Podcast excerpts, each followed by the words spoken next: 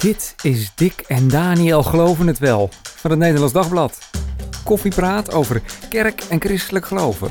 Met Dick Schinkelshoek en Daniel Gillissen. Hartelijk welkom. Leuk dat je weer luistert. Mijn naam is Daniel Gillissen en deze keer naast mij zit onze huistheoloog Dick Schinkelshoek. Vooral actief als uh, geloofsbaas van het Nederlands Dagblad. En uh, verder is aangeschoven Karin Slotboom, opiniecollega bij het Nederlands Dagblad. Maar hier ook vooral uh, aanwezig vanwege haar expertise als ecotheoloog. Welkom Karin. Dank je. Want deze podcast ga je antwoord krijgen op de vraag: komen dieren in de hemel?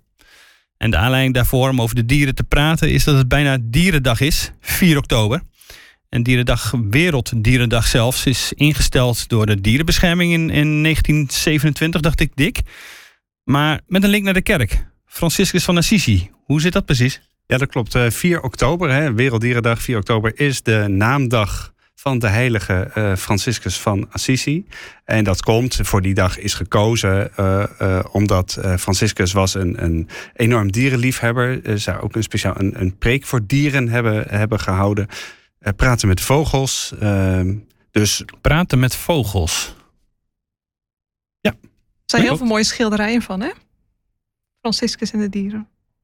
Nou, en uh, dus, dus toen op een gegeven moment de, de internationale dierenbescherming bedacht van we willen een speciale dag voor dieren, was het eigenlijk heel logisch om daarvoor precies die dag, mm. de naamdag van, uh, van Franciscus te kiezen. En we hebben een paus die Franciscus heet. Heeft dat met elkaar te maken? Heeft hij ook iets met dieren? Nou, zeker wel. Uh, in elk geval met zorg voor de aarde, denk ik. Heel bekend zijn uh, encycliek, dus een soort rondzendbrief, Laudato Si. die gaat over de zorg voor het gemeenschappelijk huis. En daarin spelen dieren ook wel een rol. Dus hij zal ook uh, dat van zijn naamgenoot zich wel hebben aangetrokken. Ja, al denk ik dat de, de, de link die, die de ene Franciscus met de andere had, uh, toch allereerst over armoede ging, ja. een eenvoudig leven en dat soort Minder dingen. met maar, de dieren. Maar het, alles grijpt, grijpt natuurlijk uiteindelijk in elkaar. Ja. Dierendag gaat vaak over, uh, over huisdieren natuurlijk. We hebben in, in Nederland 27,3 miljoen gezelschapsdieren, zoals het heet. En uh, vooral honden en katten. Er zit echt in 25% van de huishoudens ongeveer heeft een kat. Hebben jullie een kat? Nee. nee. Hebben jullie... Ook wel met een reden. vertel, vertel Karin. Nou, ik vind katten heel irritant. Ja. Wat is, oh, wat is irritant aan ja, een kat? Nou, nou, meer, ze lopen overal over straat. Um, nee. Ze pakken, vogeltjes, zo, pakken vogeltjes uit de boom hè, ja, als ze geen belletje precies. om hebben. Dat moet echt, zijn die vogels weer.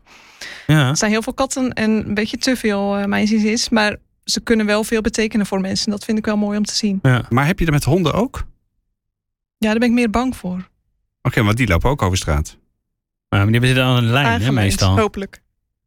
Ja, dat is waar. Althans, dat is meestal zo.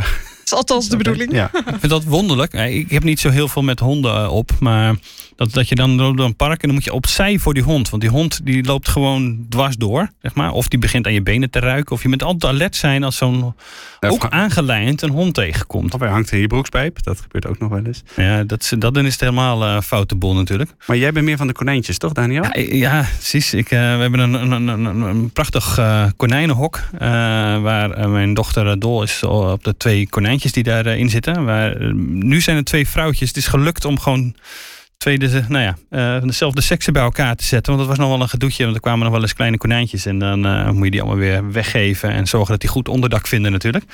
Maar het is wel heel uh, schattig konijntjes. En het, nou ja, de combinatie van, een, van, van kind en dieren. Ik zie dat wel dat dat, dat, dat, dat, dat goed kan werken. Zeg maar. dat, dat een dier iets doet met een, met een kind. Ja, ja. dat ze ervoor leren zorgen bijvoorbeeld.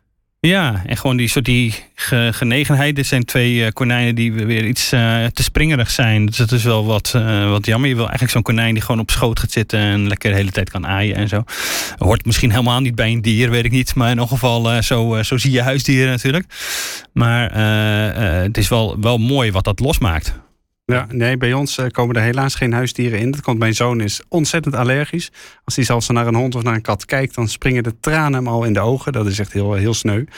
Vooral ook sneu voor zijn twee zusjes die dolgraag wel een hond zouden Hmm. willen hebben. Maar zou jij een hond hebben genomen als het kon? Ik ben meer een kattenmens dan een hondenmens, denk ik. Oh, ja. Uiteindelijk.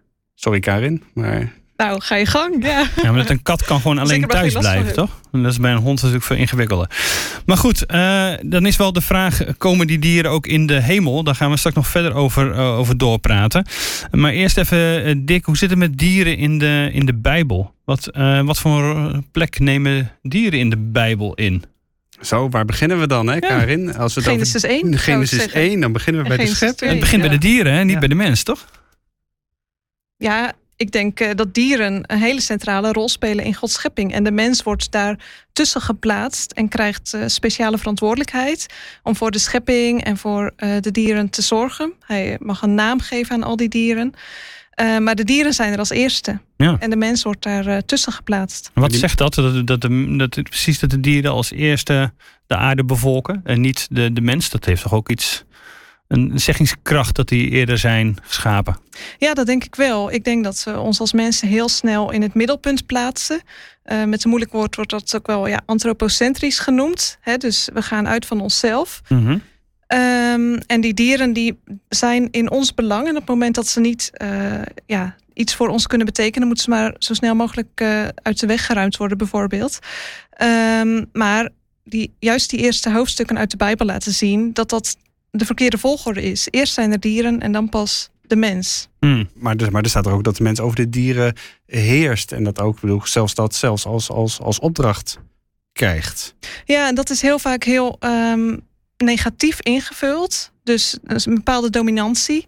Terwijl je kan het ook zien als een bepaalde verantwoordelijkheid om alles, eh, alle dieren en alle planten hun eigen plek te geven.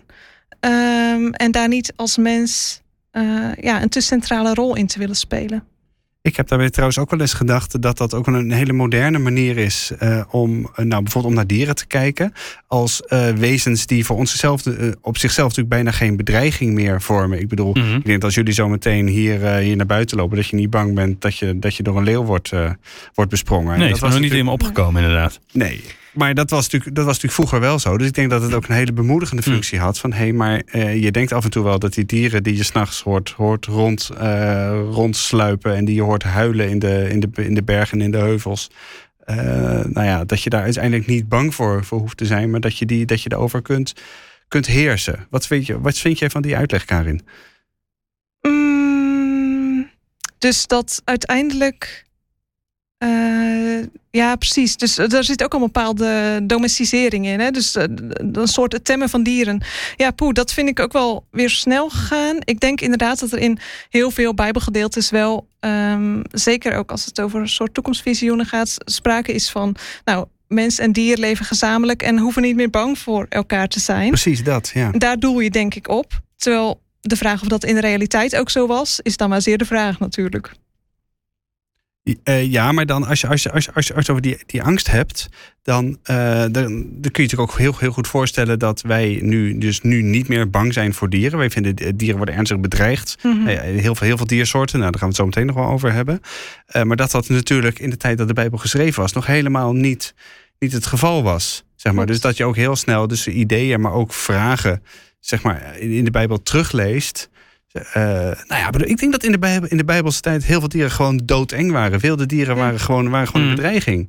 Ja. Eh, dat was gewoon. eh, Zeker voor Israëls woestijnvolk ook eerst. ja, daar kon je beter Ja. een blokje voor om. eh, Ja. voor Ja, je kon geen muur optrekken om de dieren buiten de deur te Nee. houden. Maar je, je, je had je tenten en dat was het eigenlijk, zeg maar. Dus Ja. je moest de wacht houden, je moest vuur stoken, je moest dat soort dingen.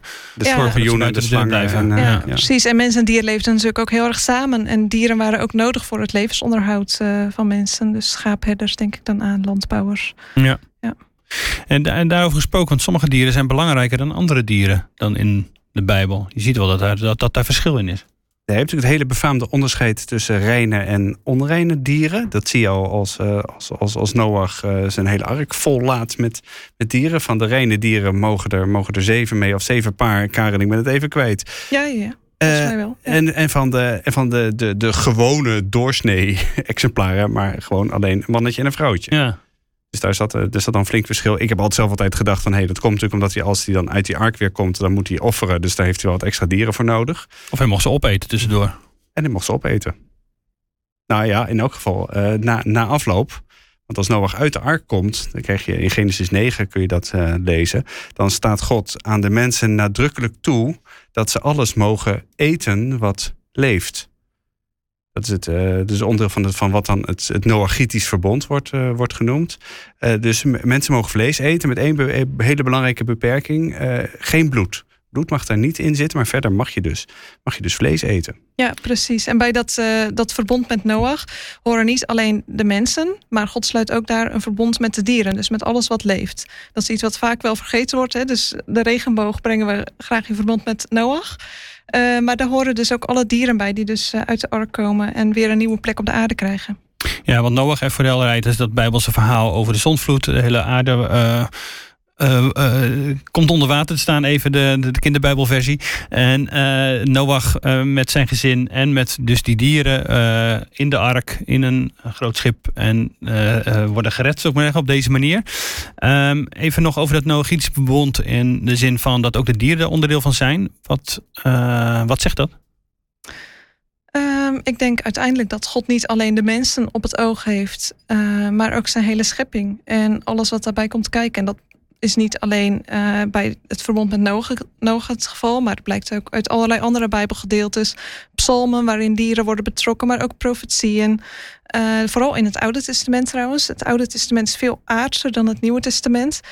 Uh, ook veel groter, dus, dus ook meer ruimte. Maar je het ziet... gaat meer over de dieren, terwijl het Nieuwe Testament veel meer over de mens en zijn ja, nou, redding gaat? Of? Ja, precies. Ja, dat is wel heel snel. Maar in het Oude Testament speelt de aarde echt een belangrijke rol.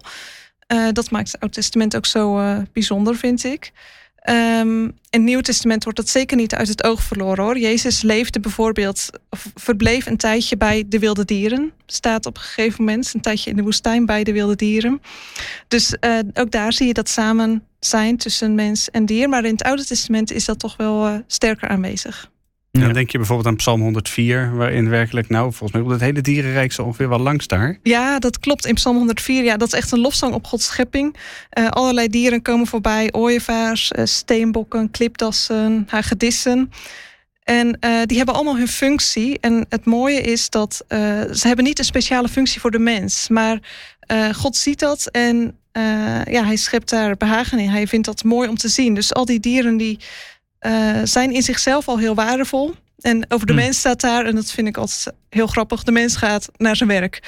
um, en, niet, niet meer dan dat. Uh, precies, ja. En de mens heeft dus een hele bescheiden plek daarin. Hm. Uh, en ja, die lofzang op de schepping mag alles in meedoen. Ja. ja. Misschien dus wel zoals de kosmos, zoals de aarde uiteindelijk zou moeten werken. Dus op die manier met die mensen niet helemaal in het middelpunt, maar als onderdeel van een veel groter, complexer systeem. Ja, klopt. Alles heeft zijn plek uh, in het gemeenschappelijk huis, zoals Paus Franciscus dus zegt. iedereen op zijn eigen manier en op zijn eigen plek. Ja. Dat is de diversiteit. Ja. Maar nog even, Daniel, om op jouw vraag terug te komen: van, uh, in de Bijbel zijn niet alle dieren gelijk. Uh, ja, we denken natuurlijk bij onreine dieren allereerst aan, uh, aan het varken. Hè, dat, mm -hmm. dat Joden niet, niet mogen eten. Maar wat ik zelf fascinerend vind, en ik dacht, nou, ik wil dat toch wel even, even, even inbrengen, is hoe ontzettend negatief de Bijbel eigenlijk over paarden praat. Mm. En ik, wil, ik weet niet, Karin, ben jij, uh, was jij ooit een paardenmeisje vroeger? Nee, helemaal niet. Helemaal niet? Nee, nee, nee. En was jij een paardenjongetje misschien? Nee, ja, misschien nee, jullie heb... enorm beledigd nu. Uh, nee, ik heb mee, maar... niet, niet speciaal iets met paarden. Maar je kunt je voorstellen, paarden wel uh, juist hele edele dieren, het gezegd. Ja. En we hebben het over het hoofd van een paard, niet over zijn kop en over zijn benen en niet over zijn poten. Dus ja. blijkbaar was er iets, juist iets speciaals met, met, met paard. Maar daar ga je een einde aan maken aan dat wereldje, begrijp nou, Nee, in de Bijbel niet hoor. paarden, paarden komen er niet best vanaf. Je hebt natuurlijk dat hele bekende uh, lied van, uh, van Mozes als het volk van Israël door de Rode Zee trekt. Hè? Dat, dat God het, het, het paard en zijn ruiter uh, wat is het, in de zee laat verdrinken. Paarden, dat is teken van, van macht. Van, van kijk mee eens even. Hè? Mensen die hoog te paard zitten. Ja, koningen met paarden, zeg maar. Dat koningen met paarden. Als, uh, als, Israëls koningen mogen ook geen paarden hebben. Dat is ook, wordt uitdrukkelijk verboden. Als David koning wordt, prima. Israël mag een koning, maar die mag geen paarden hebben. Dat is een ingewikkeld oorlog voeren, zou ik denken. Of, uh... Nou ja, als op een gegeven moment dus de, de Israëlieten de, de, de hoofdstad van de, van de, van de Ammonieten innemen, dan, dan wordt er dus ook verteld dat ze dus de pezen van de paarden, want die Ammonieten hadden allemaal wel paarden. Ik bedoel, als je een beetje koning, een beetje volk had paarden, hè, dat is handig in een leger. Beetje de, de tank of de helikopter van, die, van, die, van, die, van die tijd. Dat is dat de Israëlieten dan de pezen van die paarden doorsnijden. Die nemen die beesten dus niet mee naar huis voor hun eigen leger. De Israëlieten hadden geen paarden.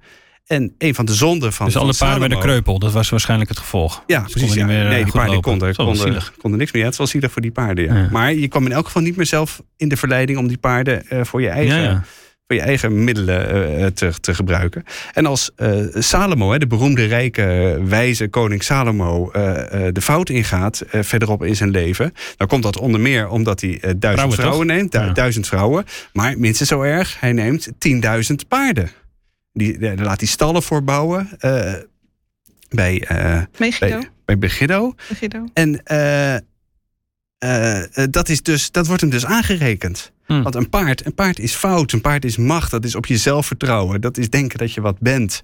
En altijd als er paarden langskomen in de Bijbel, is er, is er ellende. Wat dat betreft heeft de Bijbel meer met ezels dan met paarden. Oh. ja.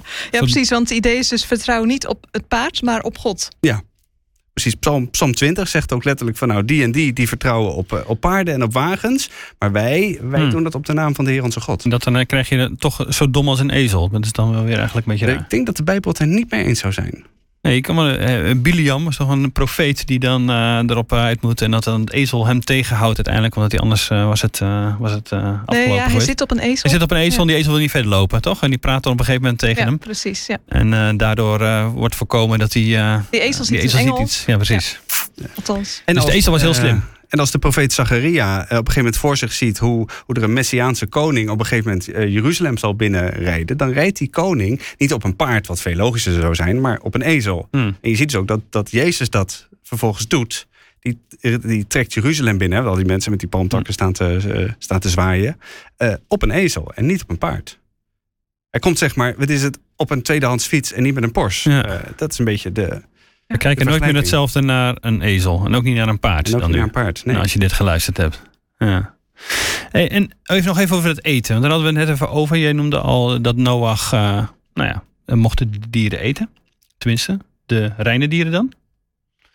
In deze tijd wordt natuurlijk heel veel gesproken hè, over, uh, nou ja, uh, kun je dieren nog wel eten? Heeft vooral met, uh, met duurzaamheid te maken. als vegetariër of zelfs als veganist door het, door het leven gaan. Uh, hoe kijken jullie daarnaar vanuit Bijbels perspectief, Karin? Nou, ik denk dat het moeilijk is om een rechtstreekse lijn te trekken tussen de tijd van de Bijbel en de tijd van nu. Gewoon omdat er heel anders met dieren om werd gegaan. Um, ik denk dat er heel belangrijk verschil is. Het maakt wel heel erg uit of je um, een hele tijd voor een dier hebt gezorgd, een lam bijvoorbeeld, en dat vervolgens uh, slacht. Uh, of dat je nu anno 2022 vlees uit de bio-industrie eet. Ja, in de supermarkt uh, gewoon uh, niet meer terugkent dat het ooit een kip is geweest, maar dat er een. Uh, Precies, ja, en dat lam in een bakje ligt. Ja, dat ja. lam heeft het dan goed gehad, heeft een goed leven gehad. je weet wat je eet. Um, je en weet dat, wie je eet bijna. Dat is Precies, zo voelt het ja, waarschijnlijk. Dat is waarschijnlijk, ja, we moeten het natuurlijk ook niet romantiseren, maar de verhouding met dieren was wel heel anders. Um, nou, dat bokje moest toch in het, rond was dat Pesach dat je dat bokje in je gezin ja, moest nemen en uh, voor gezorgd werd. Ja. Dat zou uh, de kinderhartjes uh, tegenwoordig geen goed doen, denk ik. Nee, precies. Nee. En, en toen ook al niet, denk ik. Nee, nee dat, is, dat, dat zal pijnlijk geweest zijn. Ja. Um, er zijn theologen die zeggen van voor de zondeval aten mensen veganistisch. Want ja, waarom zou je voor de zondeval dieren kunnen doden? Dat de is dood, leed en dat, dat was er toen nog niet. Nou, ik vind het zelf lastig om daar iets over te zeggen. Maar ik denk dat, dat het vooral heel erg uitmaakt van hoe ga je met dieren om?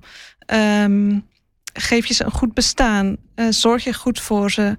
Uh, nou ja, en als je af en toe de beelden uh, ziet van de bio-industrie, dan denk ik van nou, dat staat wel heel ver af met hoe God ook naar dieren kijkt en welk bestaan hij ze hmm. gunt. Hmm. Heeft dat jou voor jou invloed op jouw eigen consumptiepatroon? ja, ik ben uh, niet vegetarisch. Dat heeft ook met uh, ja, allerlei dieetbeperkingen van mijn man te maken. Dus uh, gewoon praktisch. maar ik eet geen vlees uit de bio-industrie bijvoorbeeld. Dus ik vind het wel belangrijk om te weten van waar komt het vandaan. Ja. Ja. Wat je wel veel ziet, wat voor mij ook al geldt, gewoon veel minder vlees Precies, eten. Hè? ja. Dus eh, twee keer in de week, eh, dat is het wel zo'n beetje. Ja, er zijn Eh, supergoeie vlees. eh, ja, wij noemen het dan vervangers, maar je kan het. Je hoeft het niet eens als vervanger te zien, Nee. maar als een volwaardige element van je maaltijd. Ja, ja dat. En, en ook dat het de, de overschatting, maar goed, dat is een beetje hoe de, misschien de Nederlander of de Westerse eh, de Europeaan opgevoed is met, oh ja, de Amerikaan niet te vergeten natuurlijk, maar met, eh, met, met vlees en de rol die dat in een maaltijd speelt. Hè. Dat is natuurlijk wel eh, fascinerend hoe dat soort gegroeid is. Ja, het, het, wat, wat mij als het grootste probleem voorkomt, is dat we dieren als eh, eh, puur middelen zijn gaan, zijn gaan zien. En dat dat, denk ik, ook als ik jou hoor, eh, Karin, dat dat nog misschien nog wat meest is wat het meest strijdt met, nou ja, Ja. met, met het beeld dat. dat- dat Consumptieartikel. Bijbel- Ja, precies. Het is, het is een, een dier als een, als een ding. Ja, een maar. dier is er niet alleen voor ons en hoeft niet alleen voor ons te leven. En dat is ook wel ehm, ja, waarom mensen geen vlees eten. En dat kan ik heel goed begrijpen. Ja. Ja, precies. En dat, de, eigenlijk, als je dat als basis neemt, eh, krijg je daar automatisch het duurzaamheidsaspect eigenlijk mee. Want dan ga je anders met dieren om. Dan krijg je misschien niet de mega stallen en de, eh, nee, de manier waarop er nu met, eh, met, met, met kippen en dergelijke wordt omgegaan in een grote eh, stal. Maar dat- dat wordt dan anders Mhm. wellicht. En daarmee krijg je ook qua duurzaamheid een, eh, een, eh, een andere afdruk. Klopt, als mensen vlees als luxe product gaan zien, alleen voor op zondag bijvoorbeeld, zoals ook eh, ja, vaak het geval is geweest, eh, denk ik dat dat al heel veel zou schelen. Ja, Ja. ja. Want we kunnen ook natuurlijk, eh, eh, nou ja, dit is niet, al niet vrolijk over dieren praten, want het gaat over het consumeren van, eh, van eh, dieren. Maar over huisdieren is dan wel ook wel veel, veel leuks te, te, te, zeggen en over te spreken. Maar het gaat eigenlijk helemaal niet goed met de dierenstand. hè. We mm, zien ook, dat ook het WNF, Wereld Natuurfonds, roept daar ook wel. Eh, toe op, eh, elke keer met alarmerende rapporten van het gaat niet goed. Er zijn duizenden soorten die bedreigd worden. Ook de omvang van populaties neemt echt enorm eh, af. Zelfs wel tot 94% wordt soms gezegd. Af en toe hoor je ook het, nou ja, het gaat weer wel beter met dit of dat dier. De wolf is weer terug in Nederland. Is niet iedereen heel erg blij mee, want we voelen ons dan toch wel bedreigd. om dat even dat punt van eerder dit gesprek te noemen. Ehm, dieren uitsterven, hoe erg is dat, eh, Karin? Ja, ik denk dat het heel erg is. Niet alleen eh, voor ja, de gevolgen die het kan hebben voor de hele eh, ecosystemen. Ehm, maar ook ja, omdat die dieren in zichzelf al waarde hebben. Zoals we net ook Mhm. uit Psalm 104 eh, naar voren kwam. Ehm, iemand die daar vanuit theologisch perspectief onderzoek naar doet, is Eva van Urk aan de Vrije Universiteit. En zij kijkt van, oké, wat hebben de eh, notie beeld van God, mensen als beeld van God en eh, het uitsterven van diersoorten nu met elkaar te maken? Ehm, dus de mens, dat is, komt ook in Genesis, eh, het begin van Genesis naar voren, wordt genoemd als beeld van God en weerspiegelt eh, wie God is. Ehm, en hoe valt dat te rijmen met de manier waarop wij met deze aarde omgaan en wat dat voor grote gevolgen heeft voor dieren? En zij doet daar eh, onderzoek eh, door en eh, stelt daarbij ook de vraag dus van wat mogen wij van God weerspiegelen? Ook Hmm. hierin. Want op dit moment speelt denk ik de mens een groot, grote rol in het uitsterven van dieren. We hebben natuurlijk meerdere eh, momenten gehad dat dieren zijn uitgestorven. Niet altijd door toedoen van de mens, maar ook door natuurlijke ontwikkeling. Of door eh, nou ja, eh, Ja. eh, komeetinslagen of wat voor een, eh, andere eh, grotere zaken dan ook. Ja, denk aan de dinosauriërs. Ja. Precies. Nu is vooral de mens dus daarin een, eh, een, een probleem, zou je kunnen zeggen. Wa- Wat eh, zegt dat ons? Wat hebben wij daarin eh, toch anders te doen? Ehm, nou ja, op kleine schaal kun je zelf ook al eh, heel veel doen. Bijvoorbeeld de manier waarop je je tuin inricht heeft gevolgen voor eh, bijvoorbeeld vlinders, rupsen, andere insecten. Eh, en op grote Dus schaal. geen tegels, niet de boel dicht Ja, tegelen. stop de, te- de betegeling in Nederland, ja. Ehm, maar ook op, op groot schaal en politiek niveau kan er wel van alles gebeuren om dat tegen te gaan. Maar dat, dat vraagt wel keuzes. Ja. Maar dat vraagt, dus, wat is de keuze voor mij, zeg maar? Ik, bedoel, ik ben de, de gewone consument. Ik kan er inderdaad voor kiezen om mijn tuin dus niet dicht te tegelen. Ehm, maar juist die hele grote dingen, hè, bedreiging van koraal en alle andere soorten hele grote invloeden eh, waar, waar dieren last van hebben, denk je, wat, wat kan ik daar? Wat kan ik daarmee? Nou ja, er zijn ook uh, hele kritische denkers, uh, niet per se in, uit, uit christelijke hoek, die zeggen dat wij als, als, als soort dus eerder een soort parasieten zijn. Dus een soort sprinkhanenplaag die deze hele aarde uh, kaalvreten. Kaal, kaalvreten. En dan zijn wij gewoon de oorzaak. Ik bedoel, de dinosauriërs zijn, zijn door een meteorietinslag om het leven gekomen. Er zijn eerder massa-extincties geweest. Dit is nu gewoon weer. Dat komt omdat er een hele specifieke soort is die dat eh, veroorzaakt. Lees de, de Homo sapiens, mensen. En ik vind het. Ik, ik snap dat beeld heel erg. Ik denk ook dat je dat kunt, kunt terugzien in hoe wij met de aarde omgaan. Maar ergens op een of andere manier vind ik het wel weer als, als gelovige strijdig met het idee van de mens als, als beeld van God. En ik kijk even naar jou, Karen. Ik ben wel benieuwd hoe jij daarnaar kijkt. Uh, mens is een parasiet ergens zeg maar, is, is, bijna, ja, bedoel, je doet, je doet bijna de sprinkhaan onrecht als je zegt dat, dat de mens een sprinkhaanenplaag is. Uh, en tegelijkertijd zeg je als christen, hebben mensen ook een beeld van God. Hij is ook, nou ja, bedoel, hij moet ook, uh, zit heersen over die, over, over die dieren. Hij, moet, hij heeft daar verantwoordelijkheid voor. Er zit ergens een soort spanning in. Ja, dat klopt. Maar ik denk dat je ook kan zeggen, als je uh, die verantwoordelijkheid niet op de juiste manier neemt en de gevolgen van wat je doet niet overziet, uh, dat dan dus een soort verminking in dat beeld van God ontstaat ook. En dat we wel geroepen zijn om ja, dat ook op een bepaalde manier te herstellen. En ik snap ook wat je zegt. En dat heeft er denk ik ook mee te maken dat we een soort hoop nodig hebben uh, om te leven en om de goede dingen te doen. Hè? Als je denkt van nou het is toch allemaal voor niks en het heeft geen zin of ik nu wel of geen uh, planten in mijn tuin aanleg in plaats van tegels.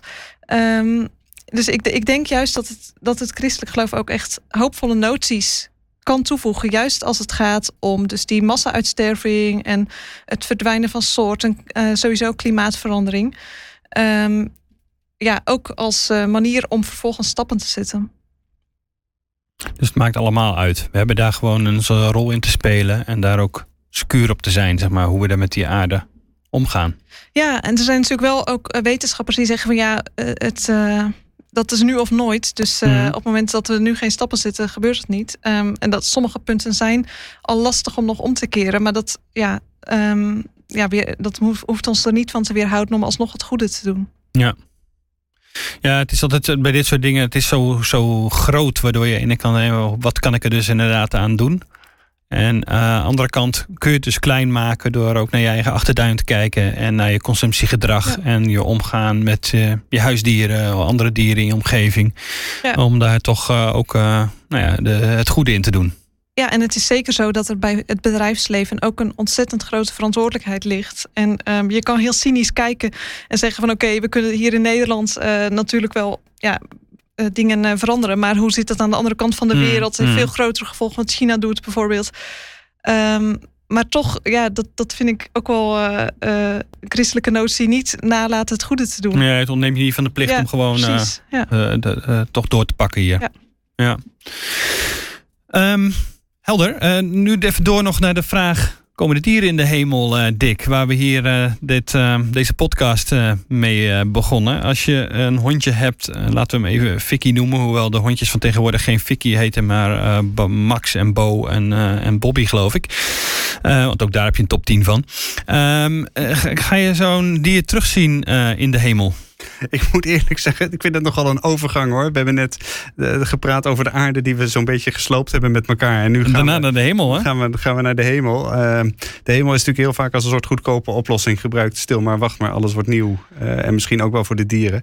Ja, dus maar goed. die niet overleven, waar we niet goed mee omgaan. Ja, precies. Ja, precies. En dan is het tenminste nog een hemel voor ze. Ja, van ouds is altijd gezegd in de christelijke theologie: uh, nee, dieren hebben geen ziel, dieren hebben niet gezondigd. Uh, zoals mensen hoeven dus ook niet gered te worden. Dus voor dieren is er geen, is er geen hemel. Uh, wij gaan Vicky, of, of wat zei je, Bo of Max? ik ik, ik ja. weet niet meer hoe de honden van vandaag heet. Dat inderdaad. Want ik heb ze dus niet. die gaan we dus niet meer, gaan we dus niet meer terugzien. Uh, daar merk je, denk ik, in de afgelopen tientallen jaren al wel een, een kentering uh, in. Sowieso is het geloof, het is een groot Brits onderzoek geweest uit 2020, waaruit bleek dat het, het geloof in een hondenhemel in de afgelopen 100 jaar alleen maar is, uh, is toegenomen. Dat is heel gek, expliciet. 100 jaar secularisatie en kerkverlating, maar in, in, in een hemel voor honden zijn we met z'n allen meer gaan geloven. Mm. Heel interessant wat dat dan allemaal weer zegt. Dat willen we dan graag, blijkbaar. Ja, precies. En daar zit natuurlijk wel de grote aarzeling. Kijk, aan de ene kant kun je zeggen: het is goed dat we dus met z'n allen iets minder, ook als het om die hemel gaat, iets minder de mens belangrijker gaan maken. En iets meer kijken naar bijvoorbeeld. Nou, eh, het gaat God niet gewoon alles herstellen, eh, zeg maar. Is eh, gered worden een kwestie van, eh, van een herschepping van de, van, de, van de hele werkelijkheid? Of eh, alleen maar of ik, mijn ziel, in de hemel kom of, of niet? Wat dat betreft, volgens mij is dat, is dat een goede ontwikkeling dat we, eh, dat we zien. eh, nou ja, dat is wat, wat in de Oost-Orthodoxie dan het herstel van alle dingen wordt genoemd. Dat, eh, dat God de hele werkelijkheid op het oog heeft en het herstel en de redding daarvan. En dat wij daar onderdeel van mogen uitmaken, is dan een wonder op zichzelf. Het zit ook in het woord van he- nieuwe hemel, nieuwe aarde. Ja, precies. idee, er zit, daar, zit het daar natuurlijk in. Hè? Er is een, is een beroemde orthodoxe the- theoloog die zegt van ja, uiteindelijk gaat het er eh, niet om zeg maar, de opstanding van, de, eh, van, van alleen mijn lichaam, maar eh, of dat van andere mensen, maar ook de redding, zegt hij dan, van de dieren, de planten, de mineralen en zelfs ieder grasprietje, alles moet getransformeerd worden en worden- binnengedragen in het koninkrijk van God. Dus zelfs al het ieder grasprietje dat is afgemaaid, zal door God worden hersteld. Dus dan die Oosterse, Oosterse Dan moet je denken aan geen haar zal van je hoofd vallen of zo. Maar eh, Ja, maar dus niet alleen van jou, maar Nee, ook, van, maar- precies, maar ook ja. van, je, van je konijntje. Je, eh, zelfs dus van de wilde dieren die dus op zichzelf voor ons geen, geen functie hebben. en de, de planten dan dus, als je het over het gras hebt. Ja, en dezelfde planten. Dus gewoon alles. eh, eh, dus gewoon alle olie die wij uit de grond hebben opgepompt en verbrand. En alles, eh, alles zal worden hersteld. Dat is die manier van redeneren. Ik moet eerlijk zeggen, ik kan daar bijna niet bij met mijn hoofd. Maar dat geldt van wel meer dingen in het, eh, in het geloof. Maar eh, om, nog even op die hondenhemel terug, terug te komen. Wat wel een bezwaar is, eh, vind ik. Is dat het dan toch ongemerkt weer heel snel eh, om mij gaat draaien. Ik bedoel, ik ben een hondenbaasje. Stel dat ik dat ben. En ik ga Vicky of Bo of Max natuurlijk ontzettend missen. En dan vind ik het natuurlijk een heel fijn idee dat, dat hij me straks in de hemel kwispelend staat, staat op te wachten. Maar dan is die hond er dus toch weer voor mij. Zeg maar. En dan Hmm. zijn we dus weer waar we net waren in het, eh, bij het begin. Dan moeten die dieren zijn dan toch in een soort gebruiksartikel voor onze eigen. Nou, we gaan dan Vicky niet, nu niet opeten, maar we gaan wel Hmm. gezellig met hem wandelen. Zou die zelfs in het geloof weer eh, voor ons eigen karretje worden gespannen, eh, Karin? Ja, precies. En het gaat natuurlijk heel vaak over huisdieren. Maar waar zijn de muggen bijvoorbeeld? En de leeuwen? Nee, en, niet de muggen. ja, precies. Ja, Die moeten gewoon toch allemaal dood? Ja, wel, ja. ja. Maar Ja. Ik vind die notie dat niet alleen eh, mensen verlost worden, maar de hele schepping is juist in de tijd van eh, klimaatcrisis wel heel bemoedigend. Eh, en het maakt ook Gods genade alleen maar groter. Dat het niet alleen om de redding van ons mensen gaat, maar om de hele kosmos. Die wij eerst vernachelen. Want dat blijft natuurlijk wel een beetje het, punt, zeg maar, die ook, het kan ook weer lam slaan, zeg maar, want ook dat hoor je. Nieuwe hemel, nieuwe aarde. Dan, dan wordt alles nieuw. Het is niet in onze hand. Dus eh, laten we het vooral in eh, Gods hand laten. En niet, eh, dus dat het juist fatalistisch maakt. Ja, Als het gaat om het redden van de aarde, tussen aanhalingstekens. Dat klopt, ja, dat, dat, dat zie je zeker wel. Ehm, kijk, ik denk dat het dan helpt om ehm, ja, wel te blijven hopen op Gods nieuwe schepping, maar het tegelijkertijd niet tot een soort allesomvattend iets te maken dat wat je telkens in je hoofd hebt, maar dat je ja, nu doet wat God van je vraagt, het goede te doen. En uiteindelijk dus hoopt ook. En ook dat God eh, de dingen die wij mensen doen, daarin ook meeneemt. Dus dat, het, eh, dat ons handelen daar niet losstaat van wat God gaat doen. Mooi. Die nemen we mee naar eh, Dierendag, Karin. Kijk. Eh, eh, dank daarvoor. Dank voor het, eh, voor het luisteren. Natuurlijk een hele goede dierendag gewenst. Als je daar nog meer over wil lezen, alles wat over dieren en theologie en komen dus dieren in de hemel, kijk dan op nd.nl, waar je het artikel ook, analyse van Dick kunt vinden. Dick komt aanstaande dit weekend in, in de bijlage zondag. Ehm, op nd.nl slash abonnement kun je natuurlijk een abonnement afsluiten als je ons wil steunen en wil zorgen dat deze podcast eh, in de lucht blijft. De volgende keer gaan we eh, Dick en ik spreken met ethicus Ad de Bruyne. Hij eh, heeft een boek geschreven over seksuele diversiteit en de christelijke blik daarop. Dus dat belooft weer een interessante aflevering. En we hopen je dan weer als luisteraar te kunnen begroeten. Tot dan.